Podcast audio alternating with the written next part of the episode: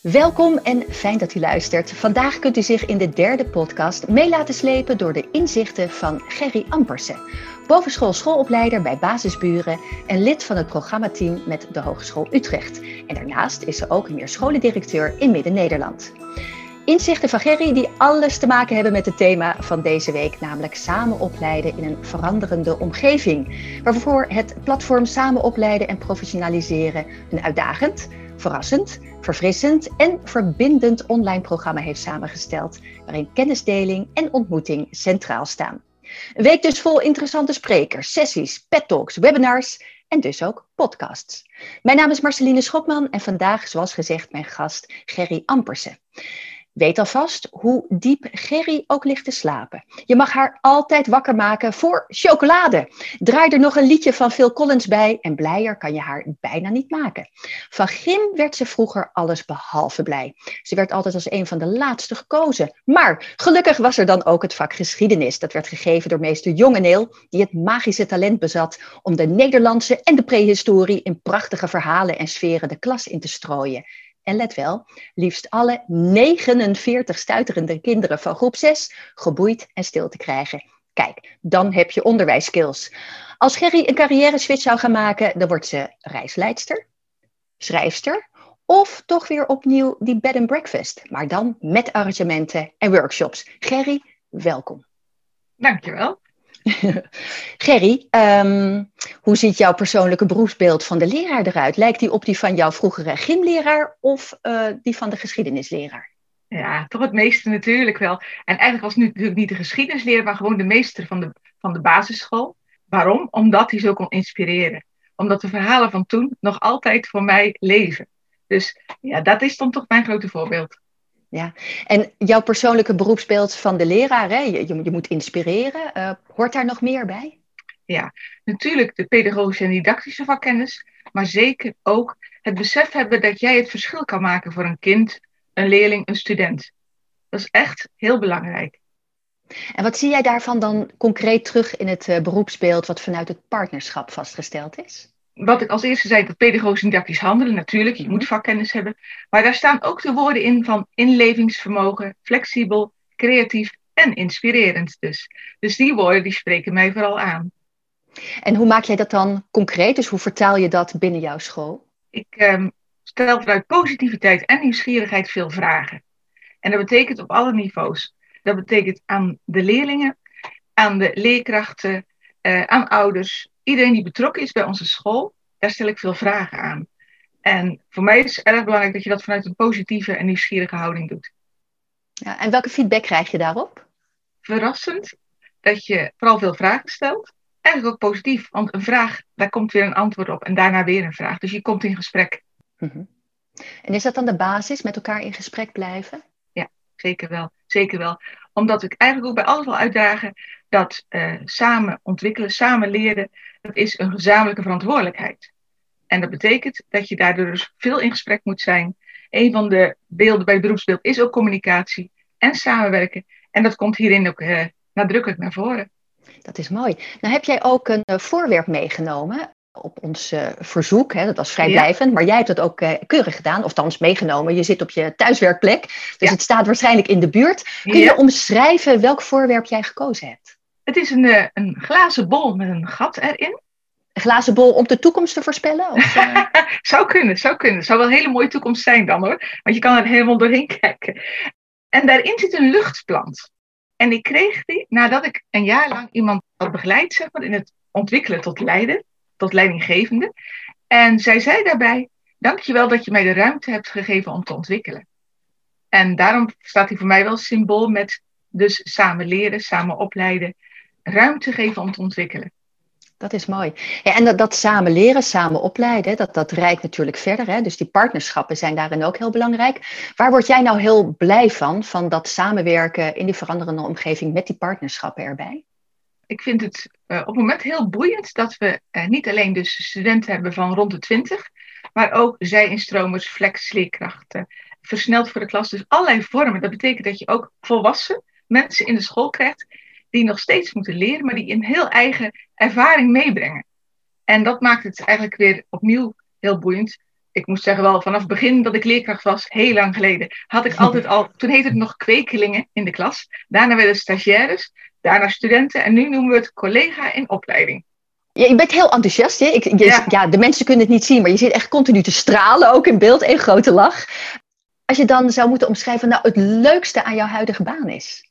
Wat geeft jou de energie om iedere keer weer thuis de deur achter je dicht te trekken, online te gaan of nou ja, echt naar school hopelijk straks weer? Ja, nou, ik, wij gaan natuurlijk veel naar school. Hè? Een basisschool is al een tijd open. Gelukkig wel, gelukkig wel. Uh, wat maakt het leuk?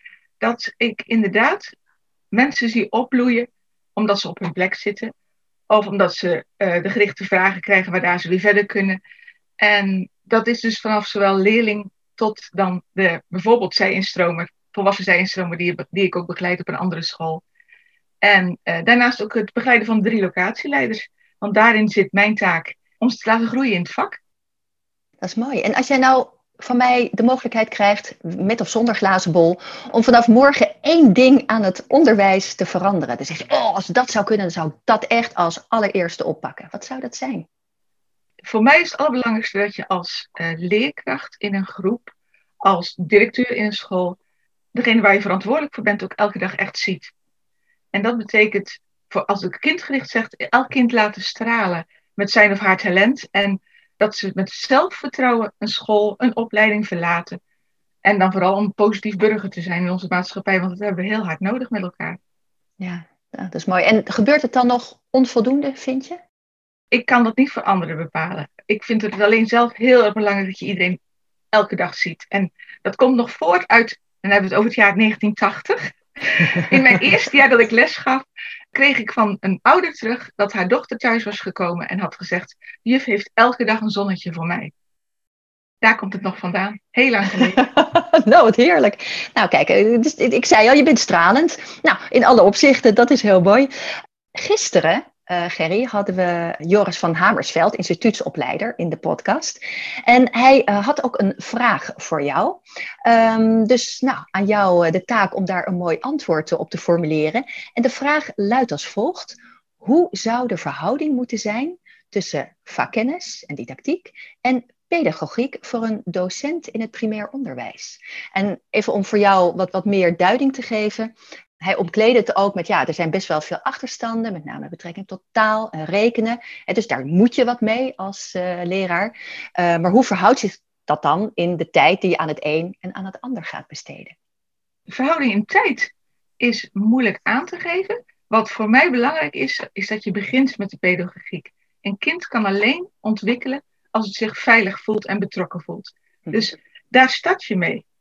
En als dat niet in orde is, kun je alles toepassen van didactiek wat je wil, maar dan komt er geen ontwikkeling. Dus het start met die veilige basis en die betrokkenheid van het kind en daarna ga je verder.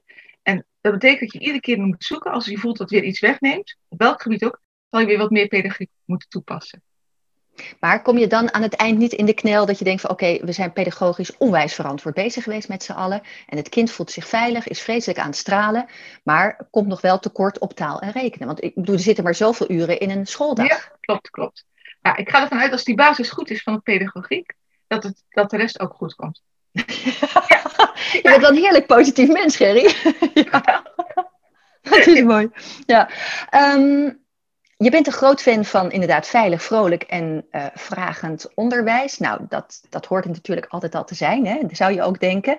Als jij de partnerschappen nou, nog, nog iets mee mag geven, of de mensen die nu zitten te luisteren, waarvan je denkt van, oh, voordat dit interview is afgelopen, wil, wil ik dat nog eventjes nou, aan ze geven.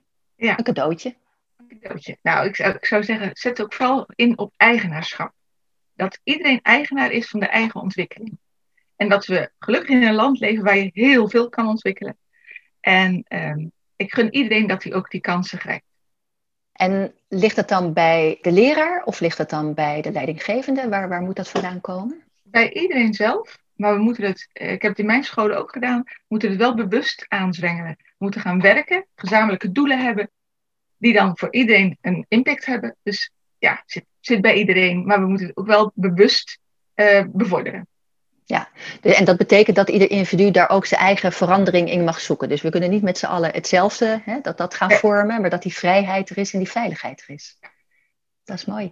Jij mag ook een vraag stellen, Gerry. Hoe vind je dat? En die vraag die is aan de podcastgast van morgen. Uit de laatste een reeks van vier. Dat is Mark Mittelmeijer, voorzitter van de Raad van Bestuur bij CVO. Uh, heb jij een mooie vraag voor hem over het beroepsbeeld van de leraar? Ja, die heb ik zeker. Beste Mark, in het interview in CV Open van deze maand zeg je: Ik ben van het verbinden en uitwisselen. HR zit in jouw takenpakket. Hoe ga jij in jouw rol individueel en gezamenlijk verder leren, bevorderen bij de docenten van het voortgezet onderwijs? Oké, heel mooi. En hoe doe jij dat bij de docenten van het uh, primair onderwijs, uh, Gerry? Dat doe ik door vooral heel uh, enthousiast te vertellen over dingen die te ontdekken zijn. En de mhm. juiste vraag te stellen waardoor ze misschien op de gedachte komen: hé, hey, hier wil ik meer van weten. Oké, heel goed. Nou, ik ben heel benieuwd wat Mark morgen gaat antwoorden. Gaat het vooral ook uh, terugluisteren. Uh, Gerry, dank je wel voor je enthousiaste, stralende, uh, fraaie input.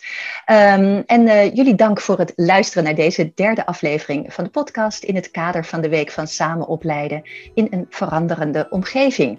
Voel je natuurlijk vrij deze podcast te delen met anderen, want samen opleiden kan alleen samen. En samen is ook het meest zinvol. Je vindt ons online via de nieuwsbrief en de website website van Platform Samen Opleiden en ook in jouw podcast-app.